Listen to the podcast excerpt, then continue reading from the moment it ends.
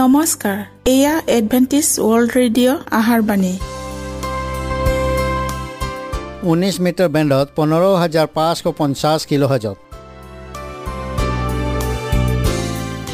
Adventist world radio যোগে অসমীয়া ভাষাত প্ৰচাৰিত আহাৰবাণী প্ৰত্যেক বুধবাৰ আৰু দেওবাৰ সন্ধিয়া সাত বজাত আহাৰবাণী শুনাৰ পিছত আপোনালোকৰ কিবা মন্তব্য আৰু প্ৰশ্ন থাকিলে আমালৈ এই ঠিকনাত লিখক। আমাৰ ঠিকনাটি হৈছে Adventist World Radio' Seven Day Adventist মণ্ডলী অসম শাখা লতাকাটা বশিষ্ট গুৱাহাটী সাত আঠ এক শূন্য দুই ন।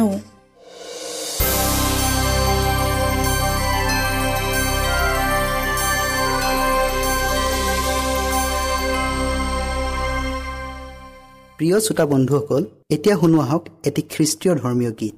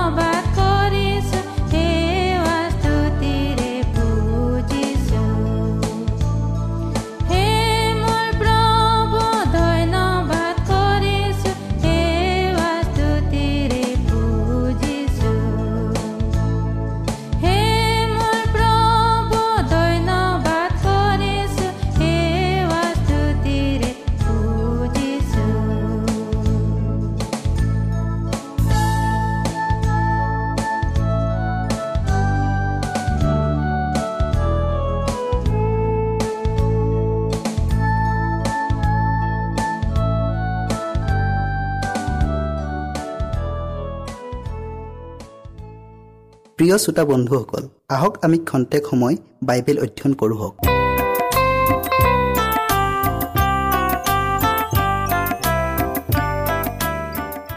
প্ৰিয় শ্ৰোতাসকল আজি আমি ঈশ্বৰৰ বিধান অপৰিৱৰ্তনীয় এই বিষয়ে অধ্যয়ন কৰোঁ হওক। অধ্যয়ন কৰাৰ আগতে আমি প্ৰাৰ্থনা কৰোঁ হওক। সেই স্বৰ্গত থকা কৰোণাময় ঈশ্বৰ জিহুৱা তোমাৰ নাম ধন্যবাদ হওক। প্ৰভু আজি আমি বিশেষ বিষয় ঈশ্বৰৰ বিধান অপৰিৱৰ্তনীয় এই বিষয়টিলৈ অধ্যয়ন কৰিবলৈ আগবঢ়াইছোঁ। প্ৰভু তুমি আমাৰ সংগে সংগে থাকা আৰু প্ৰত্যেক শ্ৰোতাৰ হৃদয় পবিত্ৰ আত্মাৰে স্পৰ্শ কৰি দিয়া যীশুৰ নামত খুজিলোঁ। আমেন। তাৰ পাছত মেৰ পোৱালিৰ নিচিনা দুটা শিং থকা আৰু নাগৰ নিচিনা কথা কোৱা আন এটা পশুক পৃথিৱীৰ পৰা উঠা দেখিলোঁ। প্ৰকাশিত বাক্য তেৰ অধ্যায়ৰ এঘাৰ পদত। এই পশুটোৰ ৰূপ আৰু ই কেনেকৈ উত্থিত হ'ল তাৰ প্ৰক্ৰিয়াটো দুয়োটা বিষয়ে এইটো ইংগিত কৰিছে যে এই প্ৰতীক চিনটোৱে যিখন ৰাষ্ট্ৰক সূচাইছে সেইখন ৰাষ্ট্ৰ আগতে উল্লেখ কৰা প্ৰতীক চিনৰ দ্বাৰাই সূচোৱা ৰাষ্ট্ৰসমূহৰ লগত একে নহয়। সেই মহাৰাষ্ট্ৰসমূহ যি ৰাষ্ট্ৰসমূহে জগতক শাসন কৰিলে সেইবোৰক দানিয়েল ভাৱবাদীয়ে আকাশৰ চাৰি বায়ু মহাসাগৰৰ ওপৰত আঘাত কৰাৰ সময়ত উঠি অহা চিকাৰী পশুৰ লগত সূচাইছিল। প্ৰকাশিত বাক্যৰ সোতৰ অধ্যায়ত এজন স্বৰ্গদূতে ব্যাখ্যা কৰিছে যে জলসমূহে জনবসতিপূৰ্ণ অঞ্চল অনেক প্ৰজা লোকসমূহ জাতিবিলাক আৰু ভাষাৰ ভাষাৰ লোকবিলাকক সূচাইছে। বায়ু শুদ্ধ বিগ্ৰহৰ এটা প্ৰতীক চিন। আকাশৰ চাৰি বায়ুৱে মহাসাগৰৰ আঘাত কৰাৰ দ্বাৰাই যি ৰাষ্ট্ৰসমূহে ক্ষমতা লাভ কৰিব সেই ৰাষ্ট্ৰসমূহৰ দ্বাৰাই যুদ্ধ জয় কৰা আৰু বিদ্ৰোহ বিপ্লৱৰ ভয়াৱহ দৃশ্যবোৰকে দাঙি ধৰা হৈছে। কিন্তু মেৰ পোৱালিৰ নিচিনা দুটা শিং থকা এই পশুটো পৃথিৱীৰ পৰাহে উঠি অহা দেখা গৈছিল। ই নিজকে প্ৰতিষ্ঠা কৰিবলৈ আন শক্তিক পৰাজয় নকৰাকৈয়ে অৰ্থাৎ কোনো ধৰণৰ ৰক্তপাত নকৰাকৈয়ে এখন জনবসতি শূন্য এলেকাত অধিষ্ঠিত হৈছিল আৰু ধীৰে ধীৰে আৰু শক্তিৰে পূৰ্ণ বিকশিত হৈছিল। তেতিয়াহ'লে ই জনবসতিপূৰ্ণ এলেকাৰ মাজৰ পৰা উত্থিত হ'ব নালাগিব আৰু প্ৰাচীন পৃথিৱীৰ কোনো জাতীয়তাবাদৰ লগত ইয়াক সংঘৰ্ষ হ'ব নালাগিব। যি যুদ্ধ বিগ্ৰহৰ ফলত মানুহ জাতি বৰ্ণ ভাষা দেশ আদি ক্ষতিগ্ৰস্ত হয় এনে যুদ্ধৰ পৰা সি মুক্ত থাকিব লাগিব। আৰু এনে এখন ৰাষ্ট্ৰ পশ্চিমীয়া মহাদেশতহে মাত্ৰ বিচাৰি পোৱা যায়। প্ৰিয় শ্ৰোতাসকল নতুন পৃথিৱীৰ সোতৰশ আঠানব্বৈ চনত কোনখন ৰাষ্ট্ৰ বাৰু ক্ষমতাত অধিষ্ঠিত হৈছিল আৰু শক্তি আৰু মহানতাৰ পৰিচয় দিছিল আৰু গোটেই বিশ্বাসীৰ মন আকৰ্ষণ কৰিছিল? এই ক্ষেত্ৰত ব্যৱহাৰ কৰা প্ৰতীক চিনটোৰ নিঃসন্দেহে মাত্ৰ এখন ৰাষ্ট্ৰকে দেখুৱায় আৰু ভাৱবাণীত প্ৰকাশ কৰা গুণবোৰো মাত্ৰ এখন ৰাষ্ট্ৰ ক্ষেত্ৰতহে প্ৰয়োজক হয়।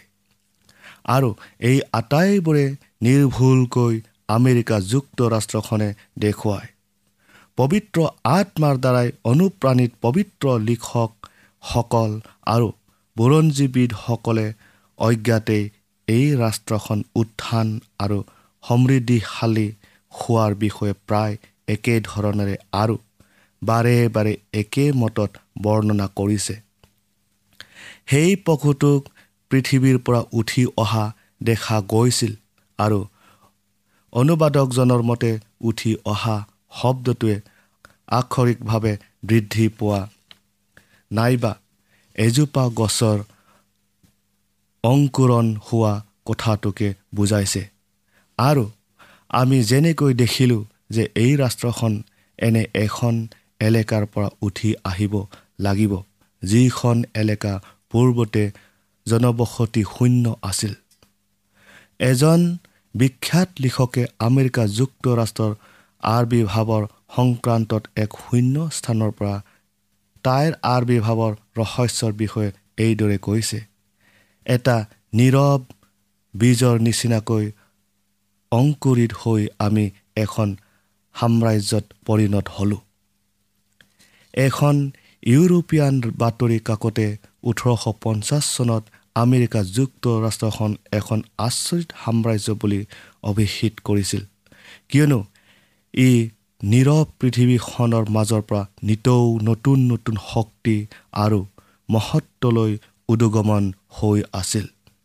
ইডৱাৰ্ডৰ ইভাৰেট নামৰ এই ৰাষ্ট্ৰখনৰ তীৰ্থযাত্ৰীসকলৰ প্ৰতিষ্ঠাপক এজনে এইদৰে কৈছিল তেওঁবিলাকে এখন নিৰ্জন নীৰৱ ঠাই। ইয়াৰ নিৰাপত্তাৰ কোনো ভাবুকি নথকা আৰু ইয়াৰ আওহতীয়া অৱস্থাত নিৰাপদ ব্যৱস্থা দেখিবিছিল নে য'ত লেনদেনৰ নিচিনা এখন সৰু মণ্ডলীয়ে বিবেক স্বাধীনতাৰ উপভোগ কৰিব পাৰিছিল। সৌৱা চোৱা পৰাক্ৰমী অঞ্চলবোৰ যাৰ ওপৰত শান্তিয়ে বিজয় যাত্ৰা অব্যাহত ৰাখিছে তেওঁবিলাকে ক্ৰুচৰ নিচান বহন কৰিলে। আৰু তাৰ মেৰ পোৱালিৰ নিচিনা দুটা শিং আছিল।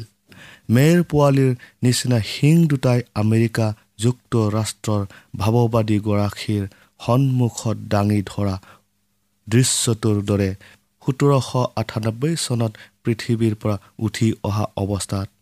ইয়াৰ যুৱ অৱস্থা নিমাসিত সৰল আৰু ভদ্ৰতাৰ চৰিত্ৰটোকে কাপ খোৱাকৈ উপযুক্ততাৰে প্ৰকাশ কৰিছে। নিৰ্বাসিত হ'বলগীয়া খ্ৰীষ্টানসকলৰ মাজৰ পৰা যিসকলে প্ৰথমতে আমেৰিকালৈ পলাই গৈছিল আৰু ৰাজতন্ত্ৰৰ নিষ্পেষণ আৰু পুৰোহিতসকলৰ অবৰ্ণনীয় অত্যাচাৰৰ পৰা ৰক্ষা পাবলৈ তাত এটা আশ্ৰয় বিচাৰি পাইছিল।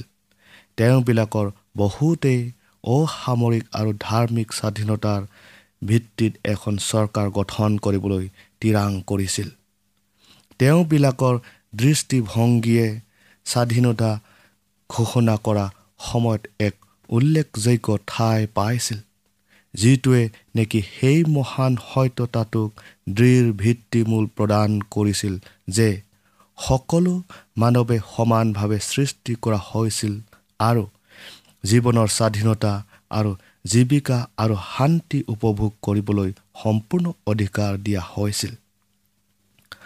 আৰু যি সংবিধান মানুহক দিয়া হৈছিল তাত নিজৰ ইচ্ছাৰে ভোট দিয়াৰ ব্যৱস্থাৰে নিজৰ চৰকাৰ নিৰ্বাচন কৰাৰ অধিকাৰ দিয়া হৈছিল আৰু আইনমতে চলি সেই আইন কাৰ্যকৰী কৰিবলৈকো অধিকাৰ প্ৰদান কৰা হৈছিল। ধৰ্মীয় বিশ্বাসৰ স্বাধীনতাত প্ৰদান কৰা হৈছিল অৰ্থাৎ নিজৰ ইচ্ছা নুযায়ী যিকোনো ধৰ্ম বিশ্বাস কৰাৰ অধিকাৰ দিয়া হৈছিল। প্ৰতিজন মানুহে নিজৰ বিবেকৰ অনুযায়ী ঈশ্বৰক উপাসনা কৰাৰ অনুমতি প্ৰদান কৰা হৈছিল। প্ৰজাতন্ত্ৰ আৰু প্ৰটেষ্টাণ্টিজিম এই দুটা মৌলিক নীতিত যুক্তৰাষ্ট্ৰৰ চৰকাৰ গঠন হৈছিল। এই দেশখনৰ পৰাক্ৰম আৰু সমৃদ্ধিশালী হোৱাৰ গোপন ৰহস্যটো এই নীতি দুটাই।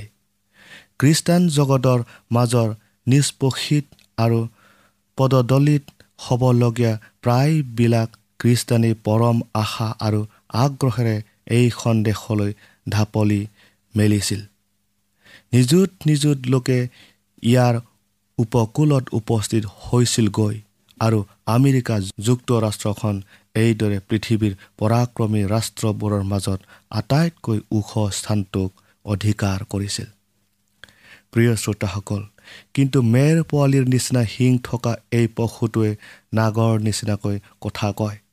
আৰু প্ৰথম পশুটোৰ আটাই শক্তি ক্ষমতাক সি তাৰ সাক্ষাতে ব্যৱহাৰ কৰে। আৰু যি প্ৰথম পশুৰ মৃত্যুজনক ঘাঁ সুস্থ কৰা হ'ল পৃথিৱী আৰু তাত নিবাস কৰা সকলোকে তাক প্ৰণিপাত কৰায়। এইদৰে সেই পশুৰ সাক্ষাতে যি যি চিন দেখুৱাবৰ ক্ষমতা তাক দিয়া হ'ল তাৰ দ্বাৰা সি পৃথিৱী নিবাসীবিলাকৰ ভ্ৰান্তি জন্মায়। বিশেষকৈ যি পশু তৰোৱালৰ ঘাঁহ পায়ো জিলে তাৰ এটা প্ৰতিমূৰ্তি নিৰ্মাণ কৰিবলৈ পৃথিৱী নিবাসীবিলাকক ক'লে। এইদৰে মেৰ পোৱালিৰ নিচিনা শিং আৰু নাগৰ নিচিনা কথা কোৱা প্ৰতীক চিন দুটাই ৰাষ্ট্ৰখনে ঘোষণা কৰা নীতি আৰু তাৰ কাৰু কাৰ্যৰ মাজত থকা বৃহৎ ব্যৱধানকে প্ৰকাশ কৰিছে। ৰাষ্ট্ৰখনে ব্যৱস্থা দিয়া অথবা বিবৃতি দিয়াৰ অৰ্থে ই ইয়াৰ আইন ব্যৱস্থাক কাৰ্যকাৰী কৰা আৰু ইয়াৰ ন্যায়িক ক্ষমতাক প্ৰয়োগ কৰা। এনেধৰণৰ কাৰ্যৰে ই সেই উদাৰীকৰণ ব্যৱস্থা আৰু শান্তি নীতিৰ যিবোৰ ব্যৱস্থা আৰু নীতিৰে ই ইয়াৰ মৌলিক নীতি গ্ৰহণ কৰিছিল সেই ক্ষেত্ৰত মিছা নীতি গ্ৰহণ কৰা বুলি প্ৰতিপন্ন হ'ব।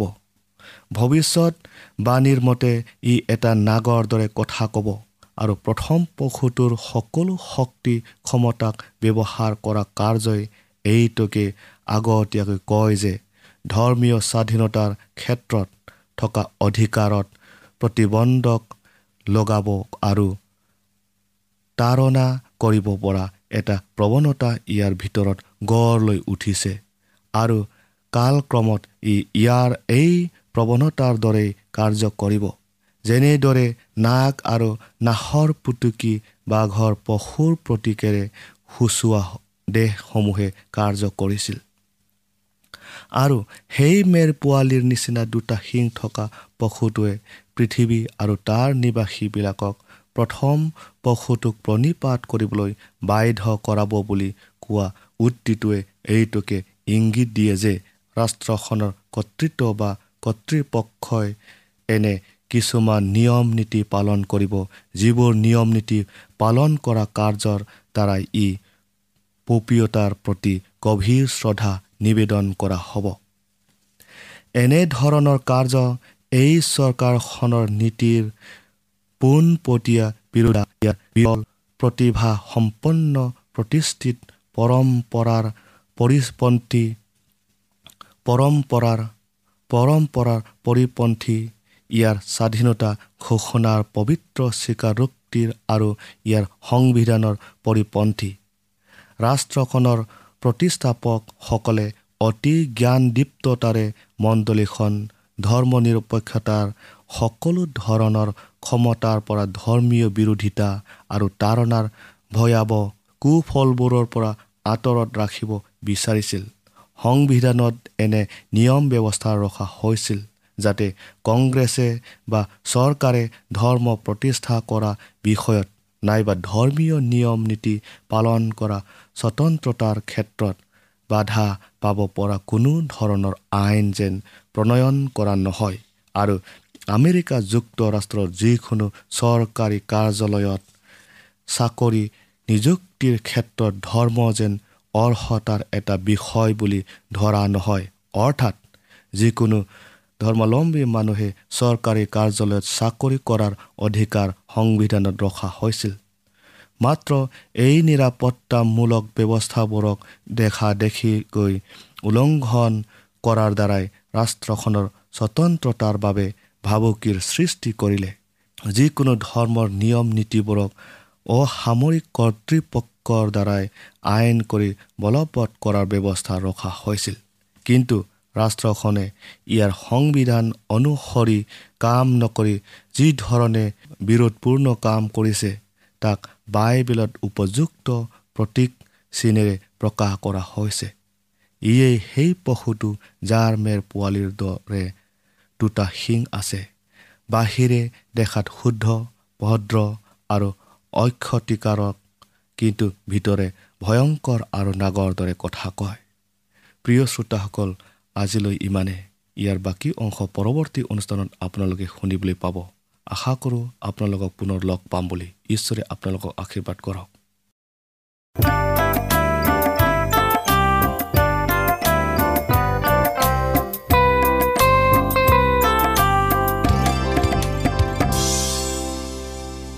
ইমানপৰে আমি বাইবেল অধ্যয়ন কৰিলোঁ। এতিয়া আকৌ শুনো আহক এটি খ্ৰীষ্টীয় ধৰ্মীয় গীত।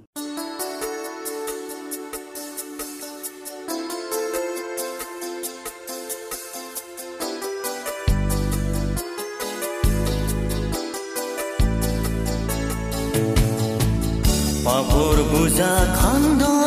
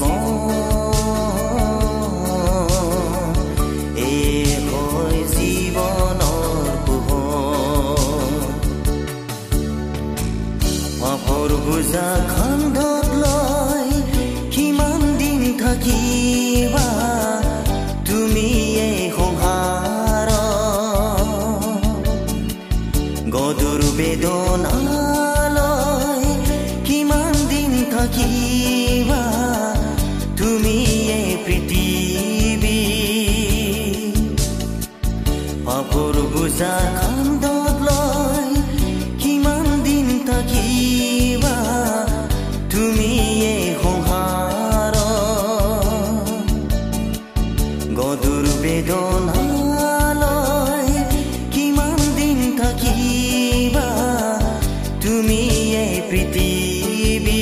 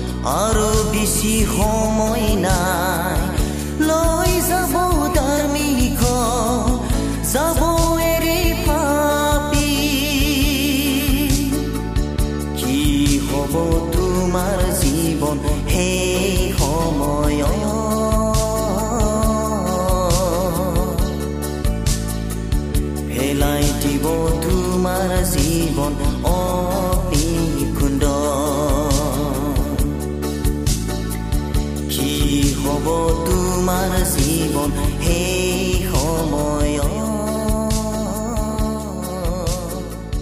হেলাই দিব তোমাৰ জীৱন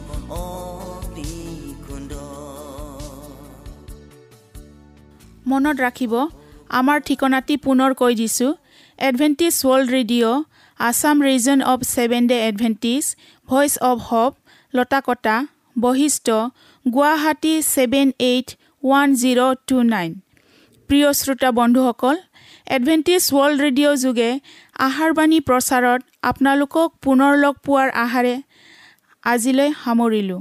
ধন্যবাদ।